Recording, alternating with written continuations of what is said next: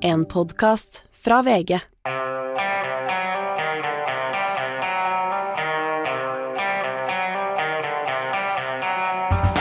Ikke visste jeg at alle disse dagene som kom og gikk, de var selve uke 41. Det har vært en tung uke, og neste blir verre.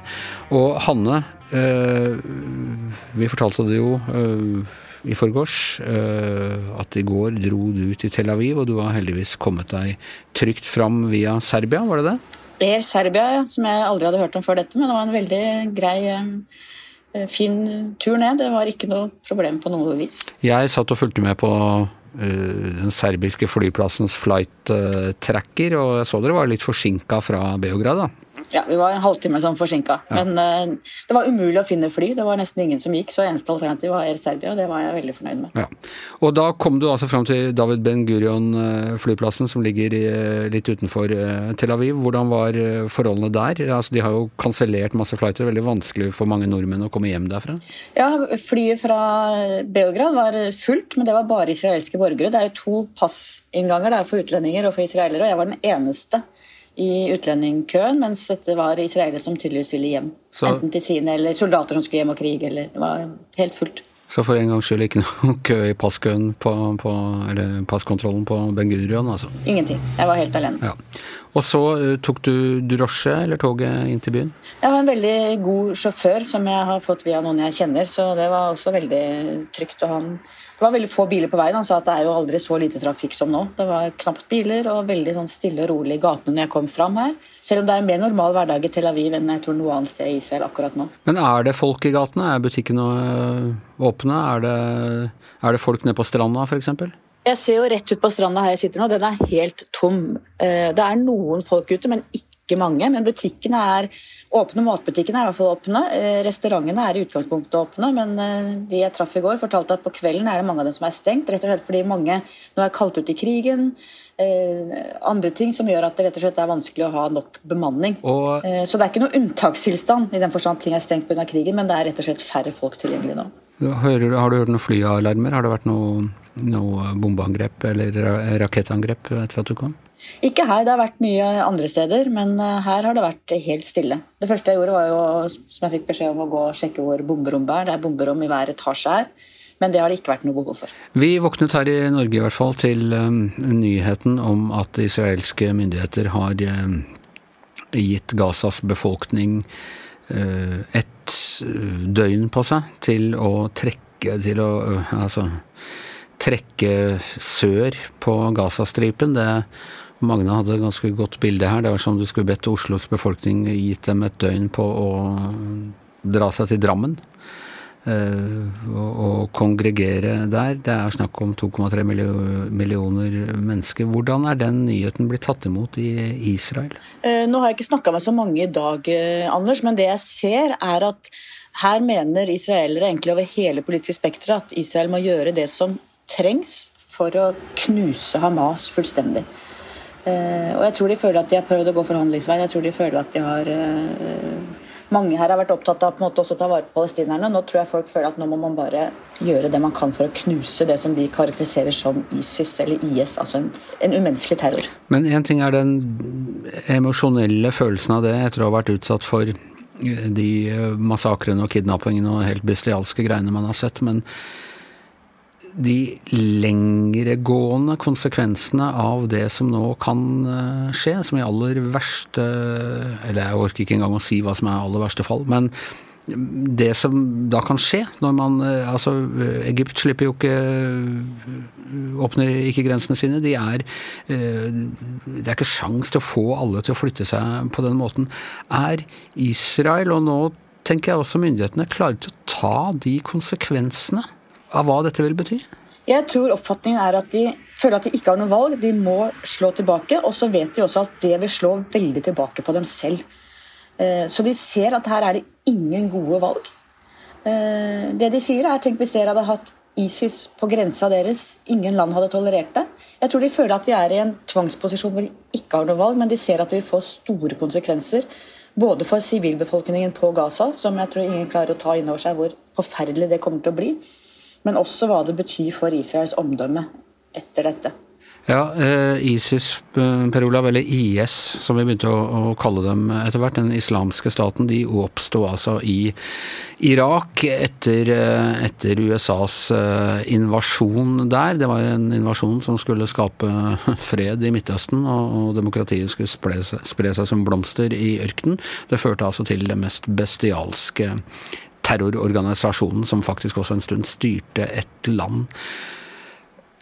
Er det grunn til å frykte at det er dette som vil kunne bli en konsekvens også av et angrep på Gaza, hvis man, Israel tror de skal klare å, å knuse Hamas? At du, du skaper en ny eh, sympatibølge og rekruttering over hele Midtøsten til, eh, til et nytt uh, internasjonalt Hamas?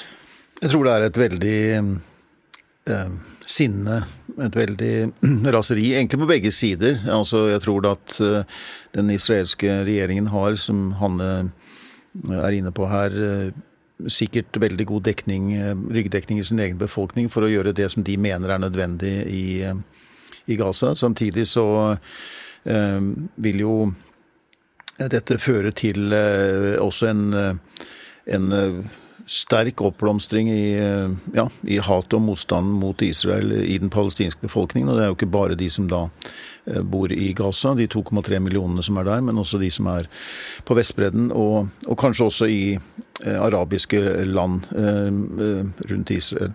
Så dette får, vil få veldig langsiktige konsekvenser, men det bygger jo på noe som har ligget der hele tiden. Og så har man jo da tenkt seg at man skulle være mulig eller For 30 år siden så trodde vi kanskje at det var mulig å bygge en tostatsløsning, og det var jo lenge et håp om at det skulle kunne klare å reddes, og at man da kunne ha to folk som levde side om side i fred. Og så har det vært andre som har på en måte gitt opp den ideen og tenkt seg at man kunne kanskje ha to folk som bodde i, en, et land, i en nasjon det blir det veldig vanskelig å se for seg nå.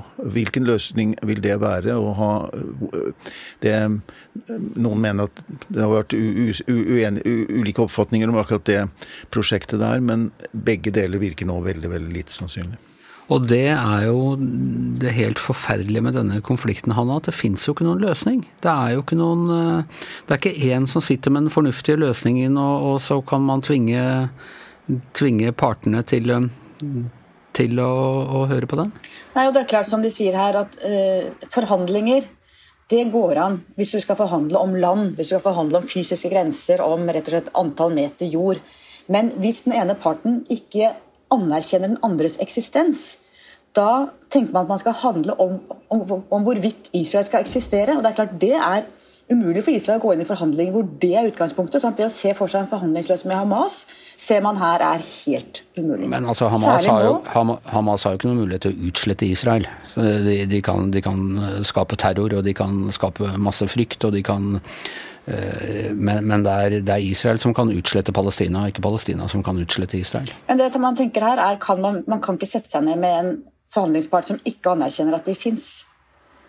Og Det var jo det som var nøkkelen til Oslo-avtalen, at PLO for første gang aksepterte Israels eksistens. Det gjorde det mulig å gå inn og forhandle om land, om flyktninger, om Jerusalems posisjon osv. Men det må på en måte være bunnplanken, sier man her, og det er jo forståelig.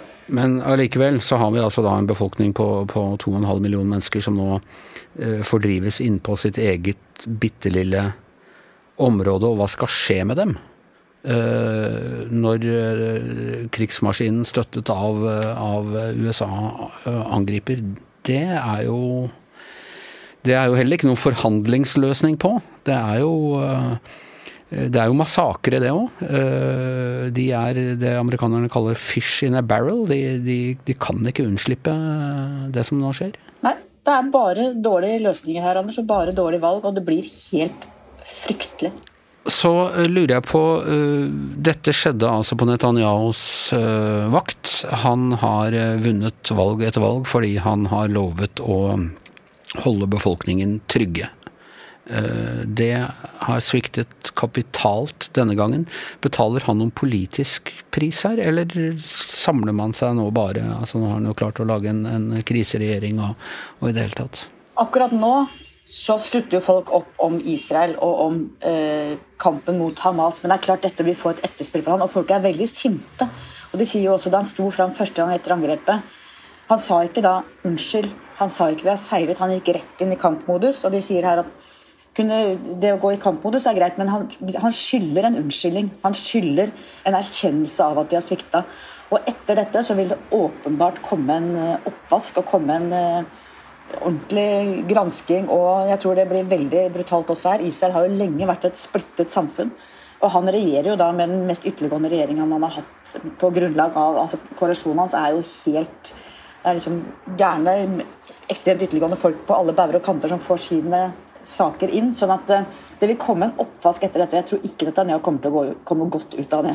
Hva tror du, Prula, finnes det noen opposisjon mot dette angrepet i eh, Israel? Altså en opposisjon som er verdt å snakke om, da. Ikke enkeltpersoner, nærmest, men eller står Israel nå unisont bak et sånt eh, angrep på Gaza? Det som skjer i sånne situasjoner som vi er oppe i nå, er jo at eh, folk eh, samler seg på hver side, egentlig, og at det blir på en måte en Man legger til side politiske diskusjoner. Venstresiden i Israel har i lang tid vært veldig svekket og blitt nesten utradert. Så du har egentlig Arbeiderpartiet, som var det store partiet, er jo Hvor store er de nå? Er. Noen få prosentpoeng, ja. ikke sant, og nesten ikke representert i, i Knesset. Og, så du har en, men du har noen partier i sentrum, og så har du da Likud som det store på en måte høyrepartiet, og så har du mange småpartier som er på ytre, ytre høyre. Og jeg tror det er fare for at det på en måte krigen på, vil på en måte styrke de ytterliggående kreftene, tror jeg. Og eh, det er vel også en, eh, en risiko for at det vil skje på palestinsk side, fordi eh, Israel har lenge ført en kamp mot ytterliggående militante grupper og terrorbevegelser, men de har jo ikke Og de, om de har om de har kanskje vunnet en midlertidig seier, så har de ikke klart å fjerne dette. De har ofte kommet enda sterkere tilbake etter sånne kriser. Så jeg, men jeg syns veldig mye av dette er jo veldig usikkert. Og det som akkurat nå skjer, eh, det som jeg tenker på akkurat nå, mest opptatt av, vil jo på en måte være den situasjonen som er for disse 2,3 millioner menneskene som nå den, den, De har jo de opplever sitt aller verste mareritt, og dette er mennesker som har opplevd svært mye i mange år. De har ingen vei ut. Eh, det meldes om panikk. Du kan ikke evakuere sykehus. De har ikke altså Du nevnte det eksempelet med å flytte Oslos, Store-Oslos befolkning eh, til Drammen. ikke sant? Men eh, det de mangler der, er jo transportmidler for å kunne gjennomføre dette. Veiene er delvis ødelagt. Det går ikke noen motorvei eh, sørover gjennom Gaza. Det er ikke eh, og Egypt slipper dem ikke ut. I, i Kairo sitter general eller president Sisi og sier at palestinerne må være standhaftige og forbli hvor de er. Eh, som han sa riktignok før Israel kom med dette varselet om 24 timer. Men Jens Stoltenberg snakket om en eh, humanitær korridor, eller korridorer, forlangte at Israel skal opprette det. Men det er bare for å ta inn eh, mat og medisiner og sånne ting. Det er ikke for å hjelpe folk ut? Nei, altså FN tror jeg har eh, gjennom ulike organisasjoner forsøkt å få til, eh, eller jobber for å få til avtaler hvor det også noen spesielt sårbare eh, grupper da, skal kunne få, forlate landet og komme over grensen til Egypt i sør. Eh, det, tror jeg, det har ikke funnet sted eh, til nå. Det har vært veldig få som har kommet ut den veien. Eh, grenseovergangen ved Rafa har vært stengt. Det man snakker om, er jo da altså å opprette en humanitær korridor inn fra, mm. inn fra Egypt og inn til Gaza i sør. og, det, og det har jo Egypt også sagt at de vil eh, bidra til. Eh, men eh, alt dette er på en måte ting det forhandles om og ting som det snakkes om, som ikke ennå på en måte er kommet ordentlig i stand. Og Vi må da ta med betraktning at det også nå er en fullstendig israelsk blokade, som da gjør at det kommer ikke inn verken eh, verken vann eller strøm eller mat eller drivstoff, og at det meste av dette går nå tomt i løpet av kort tid. Det virker litt absurd å switche over til, til, norsk politikk her, men det henger også litt sammen. Eh, det går veldig sterke rykter om at eh, Jonas Gahr Støre vil eh, skifte mannskap, og at en av de han vil skifte ut, er utenriksminister Anniken Huitfeldt. Hun ble konfrontert med dette direkte på Politisk kvarter i morges og sa bare 'vi får se'. Hanne, altså ja, vi diskuterte dette mye i, i, sommer. Jeg mente da at det var naturlig at Anniken Huitfeldt trakk seg som følge av denne inhabilitetssaken. Støre så helt annerledes på det og, mente at hun hadde hans fulle tillit. Hvorfor skal hun plutselig miste tilliten nå? Det har ikke skjedd noe nytt i den saken der? Ja, timingen er veldig rar. Eh, særlig nå når det er full krig i Midtøsten. Eh, det er en veldig tens situasjon utenrikspolitisk. Og Hvis han hadde gjort det før sommeren når den saken dukket opp, så hadde det vært en logikk rundt det. Men nå spør jo alle hvorfor nå. Jeg vet ikke. Og jeg må jo også si at jeg, øh, hun har vært ganske god til å håndtere, holdt tunga øh, i munnen. Øh, det er kraftige, kraftige hensyn å ta til begge sider her, og Norge har også en diplomatisk rolle å spille. Så at jeg får sånn inntrykk at dette er Jonas Gahr Støre som er litt sånn seint ute igjen? Det er han jo ofte. Han var jo f.eks. veldig sein med å si dette med at Hamas er en terrororganisasjon, og hvor sterkt han har sagt det, er jo også et spørsmål. Det kommer jo langt utpå dagen den dagen vi snakket om det i Stortinget. Han er jo ofte litt sein, ja. Så ja, nei, vi, vi får se som, hvordan det utvikler seg. Hva tenker du Per Olav, er eh, det å skifte altså Norge står jo ikke i denne konflikten, og, og uh, det er flere uh, gode kandidater til å være utenriksminister fra Arbeiderpartiet, både Raymond Johansen og Espen Barth Eide blant annet. Men er det farefullt, og, eller er det dumt å skifte utenriksminister når den utenrikspolitiske situasjonen er så tilspissa som den er nå? Ja, Min tanke om det er at det er et uheldig tidspunkt. Um, og er, Hvis jeg husker riktig, så er det ikke lenge siden um, Huitfeldt var i um, i Midtøsten, snakket med partene der. Det handler jo mye om det diplomatiet har, de kontaktene ja, på begge sider her. Både ble det palestinske myndigheter og, på, og israelske regjerings, eh, folk i den israelske regjeringen, og også i regionen. Eh, og det, det, det, er, er tid, det, er, liksom ikke noe godt tidspunkt å gjøre det på, sånn som jeg, jeg ser det. Nå, vi nevnte, snakket jo så vidt om dette i går også, men det er klart at du har jo erfarne andre folk i Arbeiderpartiet som kan gå inn, men, men likevel, det er noe med en grad av kontinuitet i så urolige og uforutsigbare tider som vi er akkurat i nå?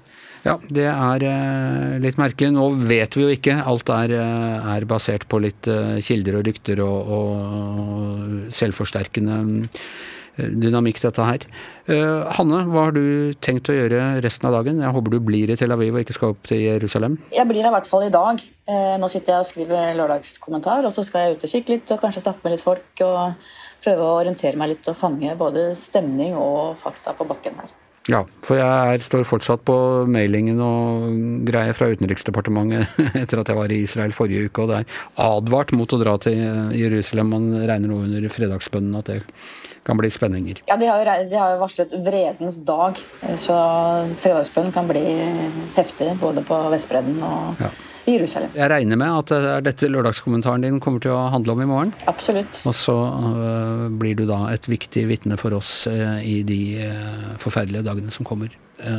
vi snakkes senere. God bless. God bless. Ok, tro dere det, men det skjer andre viktige ting i verden også. Blant annet så er det valg i Polen denne helgen. Og Yngve, der står det mellom høyresiden og høyresiden. Ja, det gjør faktisk det. altså Det eneste som er sikkert med valget, at det blir et konservativt, uh, konservativ seier. Ja, Men er de liksom, det er de fornuftige høyresiden, og så er det de gærne høyresiden, da? Ja, du kan kanskje si det sånn. Det står da mellom uh, den nasjonalkonservative siden, uh, med dette lov- og ordenpartiet, lov- og rettferdighetspartiet. Eh, og så er det da en, det som kalles Borgerplattformen, som er da en mer en sånn moderat, tradisjonell uh, høyrekoalisjon uh, leder av Donald Trump sånn tidligere. Lavere skatt og Ja, faktisk. Det, det er um, flat skatt, det er uh, mindre inngripen i næringsliv og for folk flest, og lettere etableringer og, og sånne tradisjonelle høyresaker, da. Ja.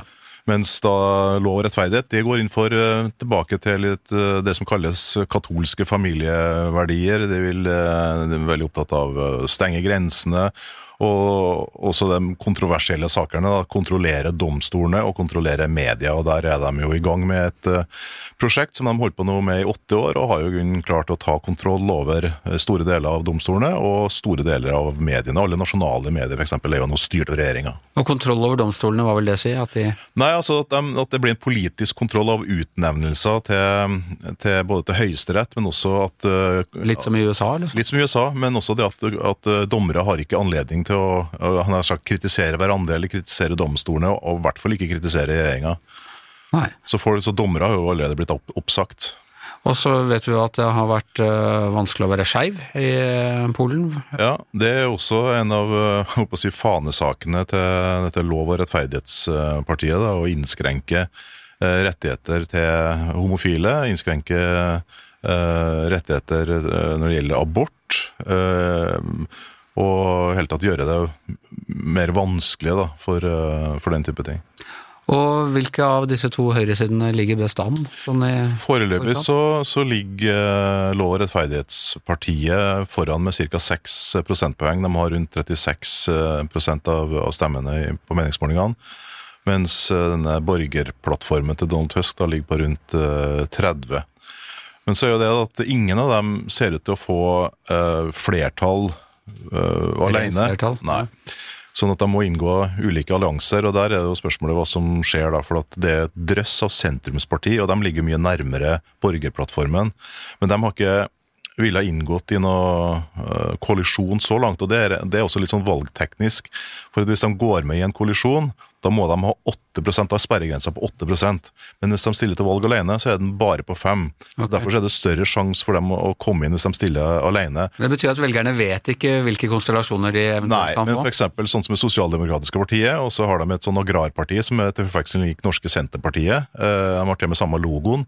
Dette er jo to partier som allerede har sagt at de ikke er fremmed for å samarbeide med, med Tysk og, og borgerplattformen. Altså, sånn at teoretisk så kan eh, Donald Tusk gjøre det, eller den borgerplattformen gjør det ganske bra. Også en, et annet moment her det er jo at Lov- og rettferdighetspartiet eh, de beiler veldig til en, eh, en valgkoalisjon som heter Konføderasjon, som er da en sammenstilling av flere sånn ultranasjonale eh, parti.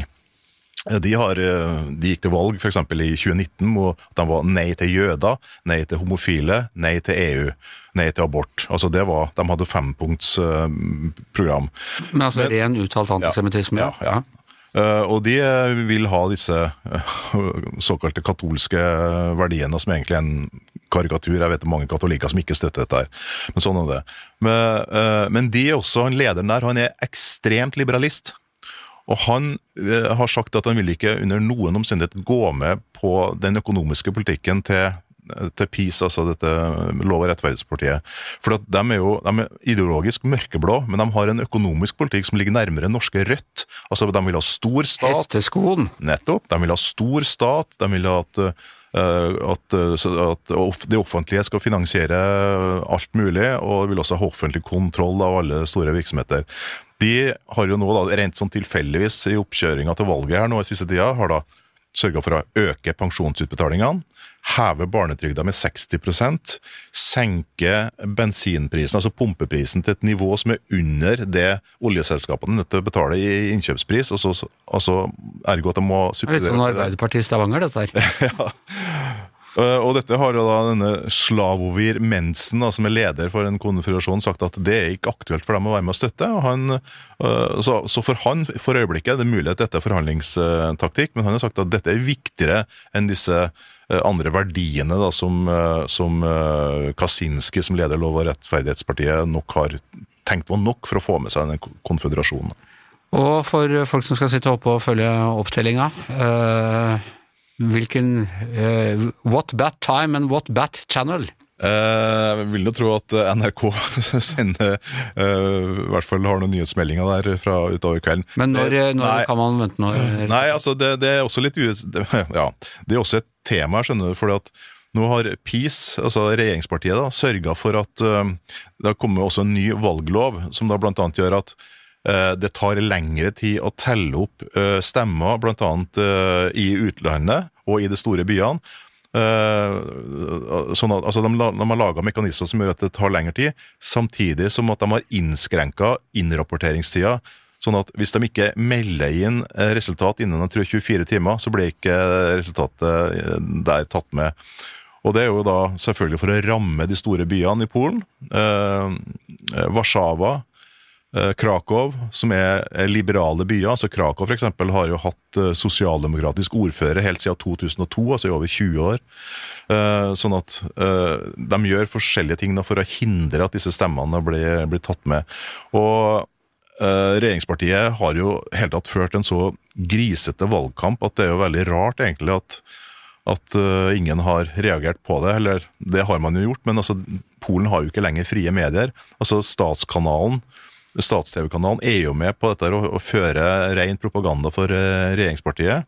Måten, Akkurat som ARK her i Norge? Ja, men og, og måten de har gjort det på, er jo sånn som uh, Viktor Orban gjorde i, uh, i Ungarn. Husker da vi var der og fikk høre om hvordan han hadde lagt opp prosessen der, så var det jo at han hadde også lagt inn en folkeavstemning, og det gjør de også her òg. Folkeavstemning på samme dagen som valget så der. Dermed så kan da regjeringa gå ut i alle kanalene og drive da såkalt Uh, folkeopplysning i, i, forhold til uh, folkeavstemninga, men som i realiteten, realiteten driver da uh, propaganda for, for partiet. For, Men, et, må bare si at et, for ett av de spørsmåla som da folket skal svare på, det lyder som følger. Ønsker du å åpne grensene for tusenvis av illegale immigranter fra Afrika og Midtøsten i tråd med et tvungen relokaliseringsvedtak fra EU? Altså, dette er ikke sant engang. Og et annet, et annet spørsmål er eh, Ønsker du salg av statlig eiendom til utenlandske aktører, slik at Polen mister kontrollen over strategiske sektorer i polsk økonomi? Altså, ja. ja. ja. Du skjønner? Vil du gi fra, gi fra, deg landet ditt og din kulturarv ja. Eh, i bytte mot Ja. ja og det, og det, og det, ok, Men det, mitt spørsmål var egentlig når kan vi vente et resultat? Nei, altså ut, I løpet av mandag en gang, tenker jeg. Tidligst. Ja. Det, det, blir spennende. Det er skjebnedøgn. Både du mente her at dette var den viktigste avstemningen siden de sa nei til kommunismen. Ja, altså det er det viktigste valget siden 1989, da de ja. kasta kommunistene på dør. Ja. Eh, det er ingen tvil om. Da putrer det i Oslo-gryta, og mediebobler stiger til den elitistiske overflaten, og det er eh, tid for en nytt utgave av Mediebobler. Velkommen, eh, Gard Steiro. Tusen takk, Anders. Alltid hyggelig å komme hit til ja. elit elitismens høyborg. Nå er det her i, her i Podme-bygningen i Akersgata i Oslo. Ja. Eh, det er to uker siden sist vi hadde. Vi må kanskje si at denne her er spilt inn noen dager på forhånd nå. Eh, I tilfelle det er noen saker vi nå ikke berører som hadde vært naturlig å ta med. Ja. Men det vi skal snakke om, det er det som opptar oss nå, når vi spiller inn denne, det er Baneheia. Det har vært en rekke interne evalueringer av Eh, banedekningen.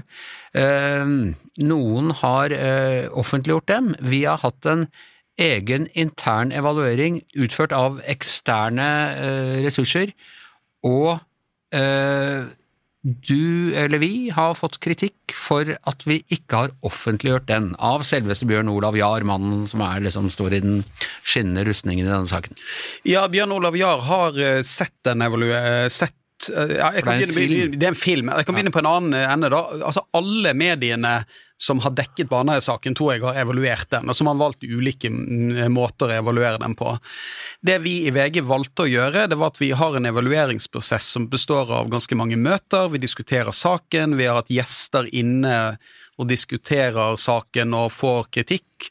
Og det tror jo jeg er sånn en evaluering best skal gjøres. Det er ikke nødvendigvis bare å skrive en rapport, eh, men det er å på en måte la dette være en sak som blir gjenstand for ganske mye drøfting i, i organisasjonen. Sånn tror jeg vi, vi lærer mest av den. Og så valgte vi da å lage en egen dokumentarfilm i VG, som, er, som, vi viste på et sånt uh, seminar vi hadde i VG der alle var invitert, som et oppspill til diskusjon og, uh, om VG sin barnehagedekning. Poenget med denne var ikke å vise offentligheten at vi hadde evaluert Baneheia-saken i VG. dette var et, en film som skulle bidra til at ansatte i VG lærte noe. Det som sies i filmen, er jo at det er en del i filmen som liksom syns det er vanskelig å snakke om dette. Er vanskelig å snakke om saken, og det kan jeg tenke meg to årsaker til. Det kan være noen som har prøvd kanskje å ta opp Baneheia-saken og vært tvilende til den og opplevd at det ikke har vært et rom for det. Og så kan det jo òg være noen som uh, mener at pressedekningen har vært ganske god, egentlig, og ikke syns at denne å legge seg så flat da, som jeg har valgt å gjøre, er riktig, og at de syns det er litt vanskelig å si det òg offentlig. Fordi jeg mener, eh, vi snakket om at man, eh, pressen går i takt, og det gjorde man i Baneheia den gangen. Men jeg, jeg, var jo der den gangen, jeg snakker også i den filmen, og vi går jo mye mer i takt nå. Uh, altså, det er jo en så unison oppfatning av Eh, de nye bevisene og, og Baneheia-saken nå, at det må være ganske ubehagelig å prøve å, å, si noe annet i en sånn evalueringssituasjon som er eh, semi-offentlig? Jo, men det var iallfall litt av tanken da, for at vi gjorde den eh, interne. Det var jo nettopp for at vi skulle gjøre det rommet noe større. Og så skjønner jeg òg at selv om dette er en intern film, så er det rommet ganske Rommet oppfattes som trangt uansett, tror jeg. Men, men poenget med hvorfor vi bare for å si hvorfor vi ikke offentliggjør filmen nå, det er rett og slett fordi at at når du har sagt, gått ut og sagt til alle som får tilbud om å delta i en film, at dette er en intern film, den skal ikke vises offentlig, og her kan det være det du skal si skal bli i VG, så kan du ikke endre det seinere. For da tror jeg det vil bli helt umulig å få folk til å stille opp seinere i evalueringer, hvis det er sånn at det plutselig blir offentliggjort. Men samtidig, når, når du tar inn uh, aktivister som både Svein Tore Bergstuen og Bjørn Olav Gjær i, i, denne evalueringsrapporten, så kan du ikke regne med at de ikke vil eh, lekke videre hva eh, når, de, når, de, har sett den. Så det, er, det Nei, var jo altså Jeg, jeg uttaler meg i den rapporten, jeg skjønte jo der at jeg kan ikke si noe her som jeg ikke kan si på TV, liksom.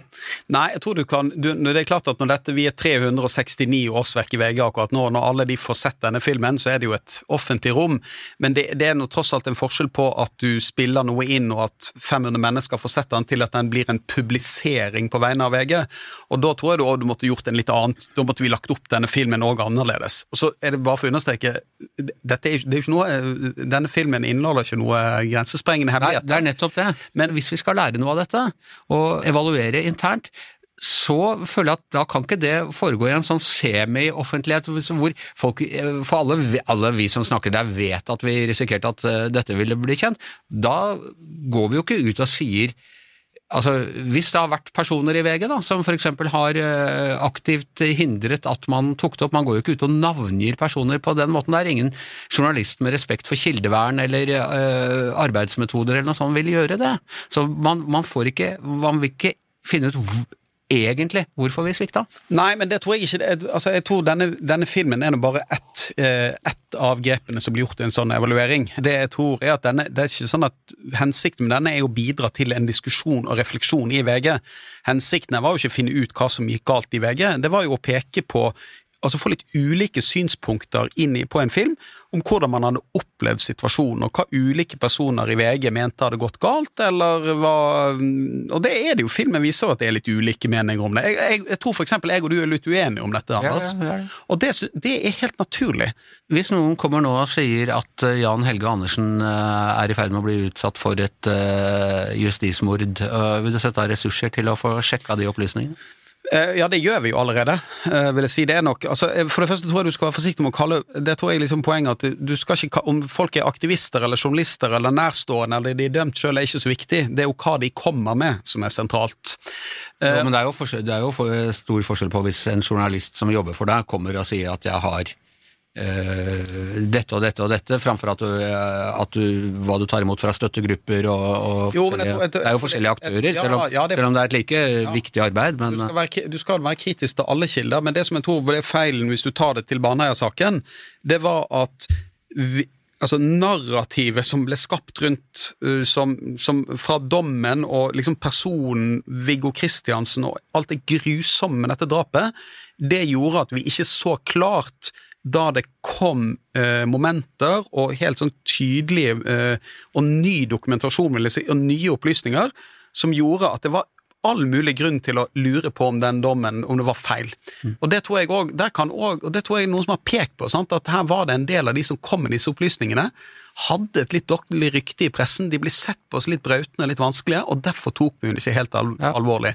Så derfor tror jeg at vi må prøve å skille vi, det. det tror jeg vi må skille oss litt Vi må, ikke, vi må tenke mindre på avsender og mer på hva de sier, hvis man skal unngå å gå i den samme fellen en gang til. Er det helt utelukkende å gå rundt til alle som har eh, uttalt seg i denne filmen og spørre om de kan fritas fra dette løftet om at de ikke skal Ja, det gjør jeg ikke, og det er rett og slett fordi at uh, klok av skade, så vil jeg si at uh, jeg tror ikke dette er siste gang at vi sitter i sånne debattmøter på Pressens hus i Oslo og diskuterer hva som gikk feil i mediene. Uh, og da tror jeg at det å ha trygge rom for evaluering i avishus. Men trygt er det jo ikke når noen har fått se det det er Nei, men, men Anders, du sitter jo på daglig på evalueringsmøter der det er 100 mennesker stede, ja. stede. Sant? Og det er, for, det er sånn at når vi har de åpne evalueringsmøtene i VG, Eh, så er det klart at det, du, du, må jo Jeg sier noe annet der enn hvis det er eksterne Hvis du, eksterne, ja. du viser opptak av de møtene til eksterne Ja, men det, det gjør vi jo ikke. Men, det, men, men poenget her er jo at uh, Poenget her er at det som skjer i en redaksjon, det skal være et trygt rom. Men det jeg er opptatt av, er at når folk får et tilbud om å delta i en film som skal vises internt, så kan det ikke være sånn at vi kommer etterpå og sier at uh, vi ønsker å vise den uh, filmen eksternt likevel. Og det er jo rett og slett fordi at vi skal holde det løftet vi, vi, ga da vi satte i gang den filmen. Og neste gang vi skal spille inn eh, en film eller lage en rapport, og den skal være intern, så skal ikke folk liksom føle seg presset i ettertid til at de skal være med på at det skal offentliggjøres. Nei, men da blir det til opp til eh, eksterne som har sett den, og hvordan de gjengir det, slik Bjørn Olav Jahr eh, gjengir liksom han, men, med hvem som uttaler seg fornuftig og hvem som ikke gjør det i denne Ja, det, men, denne men det, tror jeg også, det tror jeg òg at poenget her var at denne filmen skulle ikke vises eksternt, det skulle ikke publiseres, er det det vi har sagt, sant? men at denne filmen ble kjent, og at det som blir sagt i den, at det blir referert, det måtte vi jo regne med, vi som stilte opp i den filmen. Uh, og sånn er det litt i denne saken òg, at det er klart at VG kan, VG kan, liksom ikke bare la være å snakke om våre interne evalueringer og hva vi har lært og hva vi har gjort i denne saken. Uh, men akkurat den filmen valgte vi ikke publisere, da, og det står jeg for, og syns jeg var Hva med å ta den på VG pluss? Bare, for bare for betalende? Ja, det, ja eller på Podme, kanskje. På Podme, det, er jo kanskje en bedre plattform å legge den på i 1989, den dagen, eller dagen etter at muren hadde Vet hvor du skal, og jeg da, dette er jo litt morsomt, da, Geir. Ja, da. Ja, det, ja, det, det, det, ja, måte, men det må bruke litt mer tid! Litt mer tid trenger jeg egentlig Okay, det er litt tidlig, men ok, ja. Altså, Dagen etter at muren hadde falt, da hadde Dagbladet eh, sin berømte forside, eh, intervju med barnepsykolog Magne Raundalen, som hadde over hele forsida, 'La barna banne'. Den har forfulgt Dagbladet i de, eh, hvor lenge er det, godt over 30 åra som har eh, gått. I, på mandag to dager etter at uh, Hamas hadde uh, angrepet Israel, så hadde vi en forside hvor det sto 'la barna bæsje', holdt jeg på å si. Det var ikke La de. Nei, la de eldre bæsje, var det. Ja, la de eldre bæsje, kanskje ja. var det. Sykdommene din avføring kan avsløre. du har allerede vært ute og beklaget, og alle som interesserer seg for dette, har vel fått med seg det, men hvordan er det mulig? Nei, det er et godt altså, det, et, det, sier vel kanskje For det første tror jeg det sier litt om papir altså Jeg tror ikke denne saken kommer til å bli husket på samme linje som La barna banne. For da var papiravisene så dominerende? Var noe helt annet, ja. og, det, og, det, hadde mye større symboleffekt hva man satt på uh, på førstesiden til papiravisen. Men du er enig at vi har driti oss ut? Ja, jeg er helt enig. Altså, jeg snakket med den ulykkelige sjelen som laget den første siden, og det er en forklaring, og det er en hektisk kveld, og det er mye som skjer, men, men hovedpoenget her er jo at papiravisene er nærmest fjernet fra nyhetssyklusen. Det er det uh, som er årsaken til at noe sånt skjer. Men Det interessante er jo, og dette har vi snakket om før, altså stort sett så er det bare sånn podagra og sånn på, på forsida. Men akkurat når det gjelder Ukraina, vi hadde jo så masse Putin-forsider, ja. og, og, dette faktisk er noe som interesserer ja, papirleserne. Det, og det var, det var, jo stoff om dette, det var ikke det, men her når man skal komponere den første siden, da, så har man sannsynligvis planlagt da, noe man skal ha på første siden, i tilfelle noe ikke skjedde, og så var det noe fotball som man var veldig opptatt av å få med der, med litt korte tidsfrister, og så går det galt. Mm. Og sånn dette skjer jo av og til. Altså det, at det skjer en feilprioritering på ett sted i VG på et eller annet tidspunkt. det, det, kan jo skje ofte. Uh, det er noe av det jeg liker med journalistikken, den er så menneskelig. Det skjer så mye menneskelig svikt hele tida. Ja, og så ser dette tåpelig ut, og det er litt sånn, og det stikker litt og, og, og Jeg tror Dagbladet syntes det var ålreit. Ja, jeg tror de følte at det var en historisk uh, gjengjeldelsesgreie. Ja, men jeg tror, som jeg sier, jeg tror dette er glemt, og så tror jeg ikke det, det, betyr jo ikke så mye. Dette er jo bare, det er bare, sym, det er bare symbolverdien av å ikke ha det der, sant? Mm. Og så tenker jeg som så at uh, hvis du ser liksom Det var ikke noe tvil om hva VG prioriterte denne helgen. Altså det var jo Alle ressurser gikk jo til å dekke terroren uh, i, uh, i, Israel. Og det gjorde vi jo på nett, og vi, du var jo der sjøl og rapporterte fra flyplassen, så det var dette som var den store saken. Men så er papiravisen litt sånn ute av nyhetshjulet. sant? Den bare lever sitt eget liv og tikker og går med, med, med, med sine, sine, nyheter og sine bakgrunnsreportasjer. Og så er det jo det er, er en gladnyhet at du kan finne ut hvilke sykdommer du har i avføringen din. Helse, du skal ikke undervurdere helsestoff, eh, Anders. det er at, ingen fare for at jeg gjør. Jeg er i målgruppa her. Jeg, jeg, jeg kommer ut av heisen hver morgen og ser forsida, og de unge er bare høyt. Og jeg er sånn Nei, dette var interessant. Ny kur mot podagra. Ja, ja, nei, det, det, er jo, det, er jo, en sånn Hvis du ser papiravisene, og det er jo faktum, så er jo de som leser de, er jo ja, over Slik får du pensjonssyk, sparer du til pensjon i siste liten. Men dette var selvfølgelig Dette var jo jo Dette er en sånn type sånn eh, dårlig dag på jobben. Ja. Pinlig. Så, altså, først og fremst litt sånn pinlig og litt sånn leit òg for avisen. Sant? Så dette skulle vi selvfølgelig eh, bare gjort annerledes. Og så tenker jeg når denne debatten kommer, da, så, uh, så, tenker jeg da er det bare å legge seg flat og si at her gjorde vi en tabbe, i stedet for å begynne å forklare medietrenden. Vi legger oss flate, vi tar ansvar ved å bli sittende, og vi lover at vi kommer til å drite oss ut mange ganger i fremtiden også. Tusen takk skal du ha, Gard. Og med det så er Giæver og gjengen over eh, for denne lange uka. Tusen takk til Hanne Skartveit, Per Olav Ødegaard, Yngve Kvistad. Gard Steiro, jeg heter Anders Skjever, og mannen som holder denne sendingen eh, fri for bæsjeoppslag, det er vår produsent Magne Antonsen.